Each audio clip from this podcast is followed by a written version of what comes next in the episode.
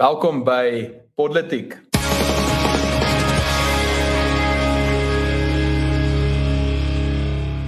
Asai, goeienaand en welkom op uh wat in my geval 'n koue aand is. Uh ek is seker in meeste ouens gevalle daarom lekker warm aan.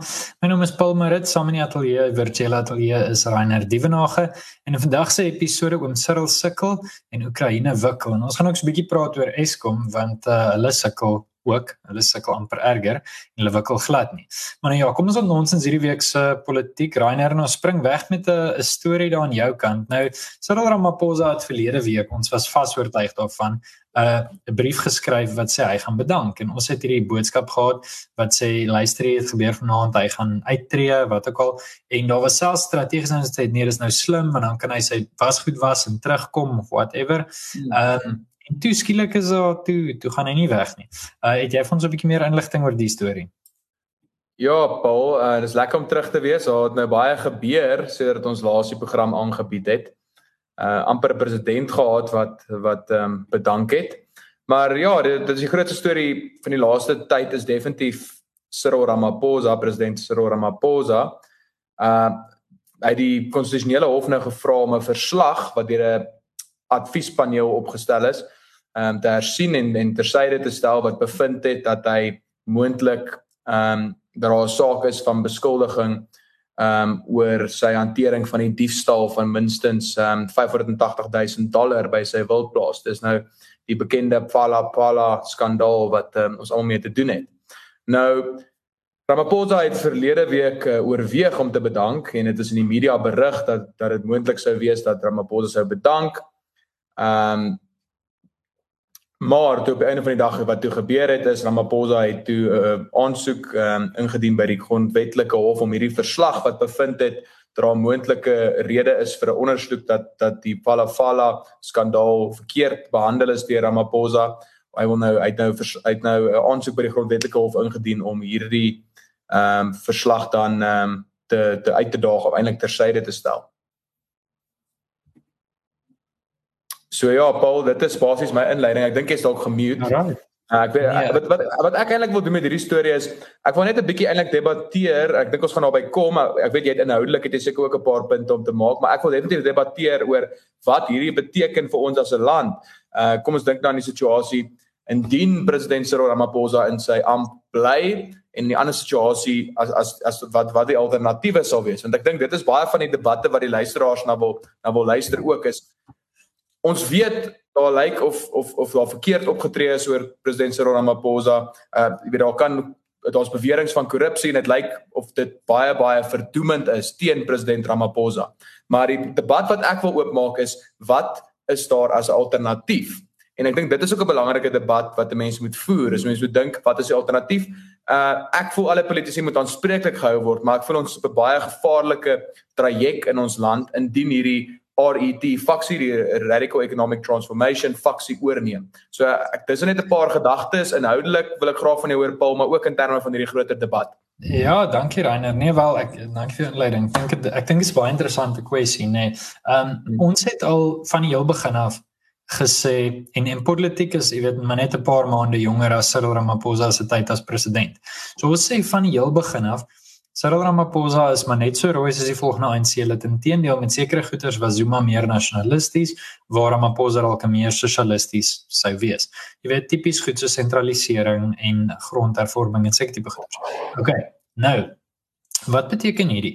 Uh ek dink heel eerste het dit 'n implikasie vir Ramaphosa. Nou ek dink Ramaphosa het al lankal so 'n bietjie die onderspit gedelf, maar nou het dit dink ek uiteindelik in die stof gebyt. Jy weet mense kan nie meer sê uh Cyril Ramaphosa se hande skoon en hy is absoluut net die foutlose een in 'n in 'n kamp, jy weet, nou, hy is die goeie appel in 'n in 'n vrotboom of wat ek al mens kan dit nie sê nie.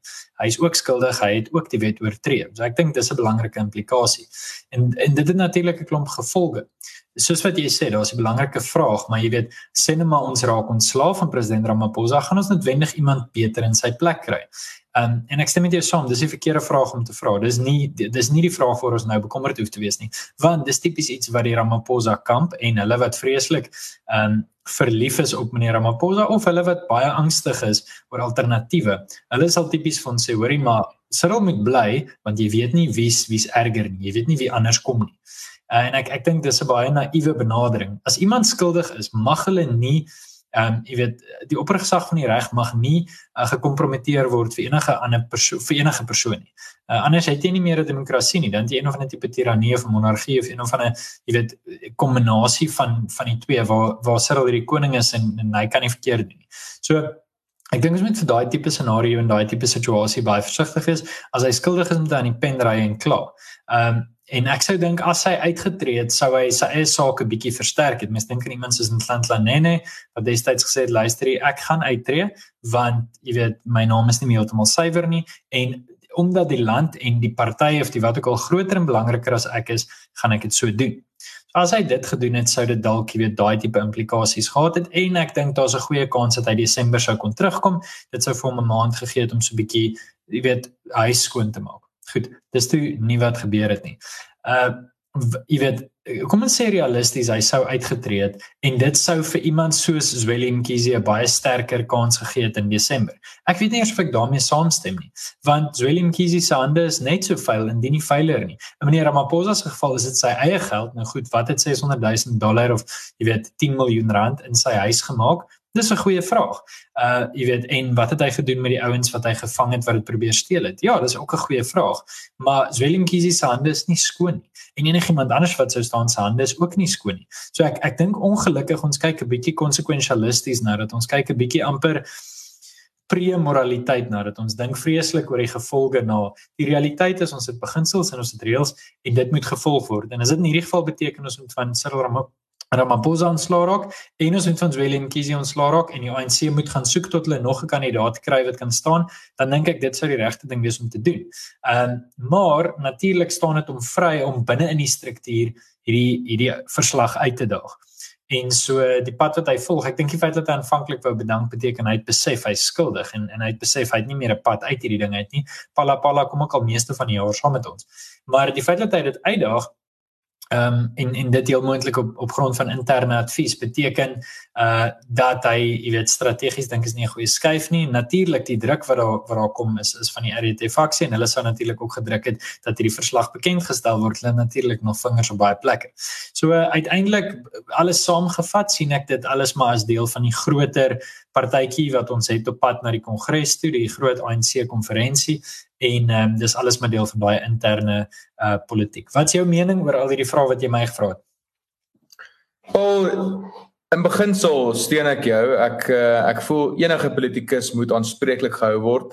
Niemand moet as verhewe bo die reg gesien word nie. Maar ongelukkig is daar nie so rekord in Suid-Afrika nie. Ons weet dat Willem Kiese en die SIU, die spesiale ondersoekseenheid se se verslag eintlik geïmpliseer is in hierdie digital vibe skandaal en uh, dat dat sy hande definitief nie skoon is nie. Ons weet dat daar ernstige aantuigings is en ons uh, klop gerugte na bewering oor ehm um, David Mabuza, die adjunkt president. So die en dan natuurlik weet ons ook watter tipe radikale gedagtegoed uh die die die RET faks uh faksie eintlik propageer. So dit is 'n dis 'n baie kommerwekkende situasie vir my en ek verstaan 'n mens moet konsekwent wees en 'n mens moet sê niemand is verhewe bo die reg nie en die feit dat president Ramaphosa wou bedank uh sê tog vir my weet dit dui tog vir my op 'n vorm van eintlik dat soos jy sê dat hy hy probeer strategies die beste weg uitvind en hy was aanvanklik het hy gedink o, hel nou is enigste uitweg om te bedank. En nou het hy die advies tydelik gekry om eerder te aanhou veg dat dit dat dit miskien kon al erger gevolge as bloot bedank wees as hy dit nou nie so sou beveg in die, in die grondwetlike hof nie. So dit is klomp dinge wat 'n mens in in ag moet neem. Ek het nie vir jou antwoord nie want ek is tog vreeslik vreeslik bekommerd oor die alternatiewe. Nou ek weet jy ons daar is geen sprake meer van 'n demokrasie as as jy begin jou president as hy nie aanspreeklik is en en hy en hy neem nie verantwoordelikheid en hy's nie gelyk voor die reg nie. Maar ek voel net die alternatiewe wat gaan kom gaan ook nie onsself aanspreeklik hou nie en hulle gaan ook nie uh, hulle gaan ook verhewe bo die reg wees. So dit is my dis my baie moeilike situasie hierdie op die ouene van die dag. Uh Miskien baie mense sê dit dit, dit kan nie erger as Ramaphosa die laaste paar jaar nie. Ek voel dit kan miskien nog 'n bietjie erger as Ramaphosa indien hierdie hierdie tipe beleide ehm um, nog verder kom ons sê Ramaphosa se se beleide nog verder gevat word deur hierdie ander RET faksie. So dit is dis 'n baie groot vraagstuk. Ek dink baie Suid-Afrikaners worstel met hierdie vraagstuk op die oomblik. En uh, dis iets wat ons definitief moet dophou in die toekoms want dit gaan bepalend wees vir vir vir, vir die toekoms. Nou maar Paul net om 'n bietjie weg te beweeg van hierdie moeilike moeilike tema. Uh ook nou weer na nog 'n negatiewerige tema en dit is dat ons nou weer fase 6 beerdkrag beleef in Suid-Afrika en uh, dat beerdkrag eintlik dis reeds 'n krisis, maar dis 'n krisis wat al hoe erger en erger word. Ehm um, het jy dalk vir ons enigiets om te sê in in hierdie verband? Ja, ek het ek het niks positief te sê nie, Rainer, dit behoort jy seker nie te verbaas nie. Uh ja, sjoe, nee, wat kan ek mens sê? Ek, ek dink gewoonlik was was beerdkrag 'n probleem in die winter want dan is daar 'n baie groter aanvraag natuurlik in energie. Mense wil dit hê, mense wil ehm um, jy weet jy, jy het baie meer krag nodig byvoorbeeld om 'n koppie water warm te maak van 5 grade af as dit nodig het om hom van 15 grade wakker te maak. Dit is seker iets logies. Maar wat hier gebeur en daar's ongelukkig nou 'n klomp gerugte, dit kan mense nie bevestig nie. Dit sal miskien in die volgende jare aan ons bevestig word, maar daar's natuurlik 'n klomp belange in Suid-Afrika en steenkoolmyne is een van die grootste belange. En so in 'n sekere mate het 'n paar ouens wat steenkoolmyne besit, het hulle eintlik mag oor Suid-Afrika se hele energie sektor. Dit is baie interessant. Verlede week was Duitsland se buitelandse minister in Suid-Afrika en Namibië en hulle het gepraat oor groen energie en Duitsland wil graag belê in Namibië en in Suid-Afrika om groen energie spesifiek in die in die area van waterstof ehm um, te ontwikkel en en meer uit te help nietemin, jy weet, is al daai goeders en dit het ons nou gesien in in Wes-Europa. Dit is deel van die oplossing, maar op hierdie stadium is dit nie die oplossing nie. Dis 'n klein onderdeeltjie. Dis van 'n 'n sespoot potjie, miskien een van die ses pote. Maar die primêre afhanklikheid is nog steeds van fossielbrandstowwe. So ek dink in Suid-Afrika se geval en hieroor het ons op politiek seker al van ons 200 episode, miskien al 25 of 30 van die episode sal oor Eskom gepraat of meer en dis is eintlik maar net eenvoudig. Daar's daar's 'n groepie ouens wat ontsettend baie mag het en ons mense wat nie wil hê Eskom moet werk nie. Dit sien ons uit sabotasie. Jy weet mense kan sê dit is georganiseer of nie georganiseer nie. Daar is al 'n klomp teorieë en artikels. Ek is redelik oortuig dat dit sentraal georganiseer is. Daar's mense wat nou maar net gewoon die land ehm um, gijslaar wil hou en energie gebruik om dit te doen ten einde hulle eie finansiële belange te kweek. Verder as dit het Eskom vir jare lank ehm um, baie belangrike onderhoud nagelaat en dit beteken dat hulle ontsettend afhanklik is van sekere kragstasies en dit alles lei maar net tot hierdie domino effek. Waar as jy een of twee blokkies laat val, dan val die hele storie om. En dit is maar net wat ons nou sien. Ongelukkig gaan dit aanhou gebeur en aanhou gebeur en aanhou gebeur totdat een van 'n paar goed gebeur of 'n paar goed gelyktydig gebeur. Aan die een kant is dit nodig dat ehm um, Eskom kompetisie kry want Eskom, jy weet, is hierdie massiewe monopolie wat eintlik maar net kan doen wat hulle wil en dit beteken die mense wat Eskom beheer kan doen wat hulle wil. So kompetisie, dis baie belangrik en dit ons begin stadig aan in daai rigting beweeg, maar weer eens dis nie so maklik om maar net 20 of 30% van Eskom se las oor te vat nie. Hierdie hierdie is 'n maatskappy wat 80, 90 jaar oud is. Dit gaan 'n rukkie vat. Verder as dit is dit nodig dat Eskom in die hande moet kom van mense wat regtig ehm um, dit ernstig vat. En dit beteken nie Andre de Ruyter nie. Dit beteken ook die ministers wat aanstellings maak. Dit beteken ook al die belangegroepe binne in Eskom. En dit help nie ons sê heeltyd maar Andre de Ruyter moet beter dit en dat nie. Ek dink natuurlik daar's sekere goed wat hy beter moet doen. Dit kan nie so moeilik wees om regtig die klein kraantjies toe te maak nie. Maar uh mens weet ook dat daar 'n klomp magte in spel is. So dis 'n baie lang inleiding uh, maar dis my hmm. gedagtes daaroor. Ja. Ja nee Paul jy het baie goed opgesom. Ek dink dit gee vir mense 'n goeie omvang van die situasie. Jy weet, as ons kyk na die praktiese gevolge, mense kan sien my skerm, my beeld raak al hoe donkerder en donkerder hoe langer hierdie gesprek aangaan, want uh, my krag is nou van ek dink 4 uur tot half 9 is my krag nou vandag af. En die gevaar met hierdie ding is dat dit begin met dit begin 'n normaliteit word. Jy weet dit begin nou 'n absolute ding word soos wat fase 1 was altyd 'n probleem vir mense, toe word fase 3 normaal en nou begin fase 6 meer meer normaal word in Suid-Afrika en ons kan nie toelaat dat dit gebeur nie. Dit is absoluut onaanvaarbaar. Nie net onaanvaarbaar, dit kos die land uh, eintlik 'n onberekenbare bedrag geld. Want ek het gesien 'n konservatiewe beraming sê is 'n miljoen werksgeleenthede wat verlore gegaan het as gevolg van beerdkrag. Ehm um, die, die ding met beerdkrag is ook dit word al hoe erger. Jy weet, ek het in my vertoek my verslag geskryf, dit was in die middel van die jaar se kant het hulle gesê Suid-Afrika het reeds 80% van die beerdkrag krag gehad in 2022 wat hulle in 2021 gehad het en en tot op daai punt was 2021 die rekordjaar vir beerdkrag. So dis iets wat was wat toenemend erger en erger word en ek dink soos dit ons nou beerdkrag gehad het ook sedert ek daai statistieke gelees het, sal dit my nie verbaas as ons al verby 1 en 'n half keer of selfs al omtrent dubbel 2021 se beerdkrag was nie.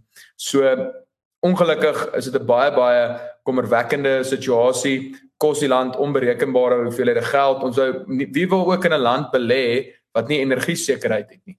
Jy het energie sekerheid nodig om enige buite buitelandse belegger te lok. En op die oomblik het ons land dit nie. Nou gaan die mense sê nee, maar hoorie ons vat ons geld, ons belê dit in Rwanda of ons belê dit uh, in Kenia waar daar ten minste energie sekerheid is. So hierdie is een van die grootste gevegte wat wat ons as burgerlike gemeenskap uh gaan moet veg en ons gaan dit moet um, ons gaan moet vasbyt om hierdie geveg te wen en dit is iets wat maklik opgelos kan word nie. So ons gaan bietjie ons gaan bietjie moet ehm um, deursettingsvermoë ehm um, toepas om om om om aan die ander kant van hierdie situasie uit te kom. Maar uh, ek seker baie mense en baie luisteraars en kykers deel ons frustrasies ehm um, en ek ek ek bly ons kom vir 'n bietjie uiteensetting gee van van wat dit alles veroorsaak. Ja. Yep. Maar om nou van twee negatiewe situasies hier in Suid-Afrika af ehm um, 'n bietjie net 'n uh, bietjie oor na 'n ander tema te hoor te gaan is ook op die oomblik soos ek dink baie mense weet en dit is ons het ons ook al geaffekteer is daar op die oomblik 'n oorlog in uh, Oekraïne en uh, daar was nou hierdie week 'n hele paar verwikkelinge. Paul, uh, kan jy vir ons 'n bietjie meer inligting gee daar? Ja, ehm um, so ek ek dink dit is nodig natuurlik as mens oor Oekraïne praat om en ek ek begin altyd so as ek oor die tema praat. Dis 'n baie baie genuanceerde tema. Daar's natuurlik onder ons luisteraars mense wat die kant toe en daai kant toe voel. En ehm um, my standpunt daaroor het ek ook al 'n paar keer gesê, ek dink twee goed kan op dieselfde tyd waar wees. Ek dink dit kan gelyktydig waar wees dat ehm um, daar oor die Europese Unie en oor NAVO bepaalde agterdog is omdat uh jy weet hierdie magsblokke bepaalde belange het en jy weet dat hulle nie noodwendig net gesien word as hierdie helde of redders of bringers van 'n goeie nuwe wêreldorde nie. Aan die ander kant kan dit ook waar wees dat Rusland 'n soewereine nasie se grense oortree het. Um dis nie nodig dink ek om regtig te sê ek ek is 100% aan die kant of 100% aan daai kant nie. Wat my betref, ek dink dit is 'n 'n konflik wat onnodig was. Um ek verstaan wel natuurlik dat daar mense is wat wat voel dit was onvermydelik. Uh dit is dis hulle standpunt staan hulle vry en ek dink ons is nog altyd voorstanders van vryheid van spraak. Niemand gaan mekaar kanselleer op politiek nie en uh, ons ek het in my hele lewe nog net een keer 'n luisteraar gekanselleer um, of geblok om kommentaar te lewer op op politiek en hy het vreeslik daaroor aangegaan op sosiale media. Ehm um, dis nie noodwendig waaroor ek nou wil praat nie. Ek wil so 'n bietjie inleiding gee oor ietsie wat nou onlangs gebeur het um, in Oekraïne. So gaan my net so 'n paar sekondes. Uh Oekraïne het wel eintlik iets wat gebeur het in Rusland. Oekraïne het uh twee hommeltuie uh of dan onbemande vliegtye aangewend om twee Russiese teikens bykans 500 meter van die grens aan te val en dit het gebeur afgelope maandagooggend die 5de Desember. Um hulle het die lugmagbasisse van Diaghilevo en Engels aangeval en ehm um, drie Russiese personeel is in die aanval oorlede en vier is beseer. Nou ja, ehm um, Rusland voer aan dat die hommeltuie onderskep is en dat dit stukke van die wrakke was wat geval het en die ontploffings daartoe gelei het en so aan. Of dit so is of nie weet ek nie noodwendig nie ek dink dit is te belangrik nie. Nou dit kan wees dat baie mense dink hierdie is die eerste keer wat Oekraïne aanvalle oor die Russiese grens loods dis nie waar nie. In Oktober was daar 'n aanval omtrent 800 km van die Oekraïense grens af in Rusland geloods en uh, daar's 'n aanvalshelikopter vernietig. Nou Die vraag is, ehm um, waarom het hierdie week se aanvalle nuus gemaak en waarom is dit ehm um, pertinent belangrik? Die, die dit gaan daaroor dat daar bepaalde rooi lyne is. Nou ons weet as as jy internasionale politiek dophou of internasionale verhoudings dan weet jy destyds praat van 2014 se kant was dit tussen Obama en Putin ook hierdie gesprekke oor rooi lyne in Sirië. Nou rooi lyne beteken albei kante sê vir mekaar hierdie is 'n lyn waaroor jy nie gaan trap nie. As jy oor hom trap dan is dit oorlog uit en oor en klaar oor en verby. Nou NAVO uh, het gesê hulle sal nie langafstand aanval vuur vuurpyle en bomwerpers aan Oekraïne voorsien nie. En die rede daarvoor is natuurlik want Putin, wel dis Putin se rooi lyn, want dan kan Oekraïne uit Oekraïne uit Moskou aanval. Nou een van die aanvalle hierdie week was 100 km of 100 myl, 160 km van Moskou af. So Oekraïne is redelik naby. Maar hierdie aanvalle is geloods met 1980s Sowjetunie hommeltye. So dit is nie met NAVO wapens of met een of ander iets wat vir hulle gegee is nie. Ehm um, die lank en die kort is en ek ek wil dit maar net net vinnig saamvat. Hierdie is uh, hierdie storie raak baie interessant. Ek dink daar was mense en is nog altyd so met oorlog. Daar was mense wat gedink het hierdie gaan in 2 weke verby wees. Die Engelse het dit gedink van die Tweede Anglo-Boereoorlog en dit het, het langer gevat as hulle gedink het. Selfde storie het ons gesien die Eerste Wêreldoorlog, Tweede Wêreldoorlog ensovoorts. Al twee kante dink dit gaan wel die een kant dink gewoonlik gaan baie vinnig verby wees. En ek dink die Russe het gedink hierdie is 'n week, 2, 3 weke tops. Nou het hulle nie net 'n klomp grond verloor nie, maar hulle eie grense is nou ook en hulle nou ook ehm um, jy weet ontploffings op hulle eie bodem wat hulle mee moet reken. So dis dis baie interessante dinge om om na te kyk en om te oorweeg. Uh wat wat my betref, ek dink om net saam te vat, oorlog is nooit lekker nie. Daar's nooit 'n daar's nooit 'n absolute en 'n soewereine wenner nie. En ehm um, soos wat baie ander analiste al gesê het, die verloor die wenners verloor ook altyd heelwat. En ek dink dis 'n baie goeie manier om daarna te kyk. Vir mense wat belangstel in die hele Oekraïne ding en 'n groter agter kom ek sê 'n meta perspektief, kan ek hierdie week uh, kan ek vandag se se meningsstuk deur Dr. Heinrich Matthee op netwerk 24 nogals aanbeveel. Ehm um, hy kyk bietjie uit 'n ideologiese perspektief uit en ek dink baie keer as mense in die hier en nou vasgevang is, dan besef mense nie jy weet dat hierdie goed eintlik oor jare kom en waar hulle wat so 'n bietjie skepties is oor die Europese Unie waar hulle punte vandaan kom in hierdie spesifieke gesprek nie en hoe dit dan van toepassing is nie. So ehm um, dit uitgelê en saamgevat, Rainer as jy niks verder daaroor te sê het nie, is uh, my storie ook vir eers uit. Ja, ehm um, ek wil net 'n vinnige punt maak. Ek dink ook die my ding siening van die ding is ook dat dis vir my 'n onwenbare oorlog. So jy weet al het jy al het jy, jy weet, die doel is nou om die hele Oekraïne dan oor te neem en na die Russe sweer toe, jy weet, al al al die punte wat die Russe wil maak. Dis nie oorlog wat jy gaan wen nie. Nommer 1 jou vyand het sy wapens kan nooit uithardloop nie. En nommer 2, ons het gesien wat gebeur in in, in Irak, jy weet daar indien hierdie land sou oorneem, gaan daar dit is 40 miljoen mense wat hoogs opgelei is en dit daar gaan 'n hoëgrondse en 'n ondergrondse versetbeweging sal al wees. So dis is dis is dis is maar iets wat ek van die begin af gesê het. Dit is um, alles eintlik doelloos want jy gaan nie daai land kan regeer op geen manier as die Russe wat 140 45 miljoen is en die Oekraïners is 43. Jy kan op geen manier daai land beheer of regeer nie. So dis maar my dit is dis 'n belangrike ding wat ek dink mense moet in ag in ag neem wanneer mense na die oorlog ehm um, wanneer mense daarna kyk. Maar in 'n geval ehm um, soos uh Spaanse partytjies in Doha, ek verwys nou natuurlik na die Spanjaarde wat gisteraand verloor het teen Marokko, groot skok uitslag. So is hierdie episode ook vir eers verby. As jy hou van wat ons doen, teken gerus in op politiek Ons nooi jou as luisteraar uit om ook self 'n bietjie te ontnonsens deur die gesprek voort te sit in die kommentaar afdeling of in ons Telegram kanaal. Mooi loop.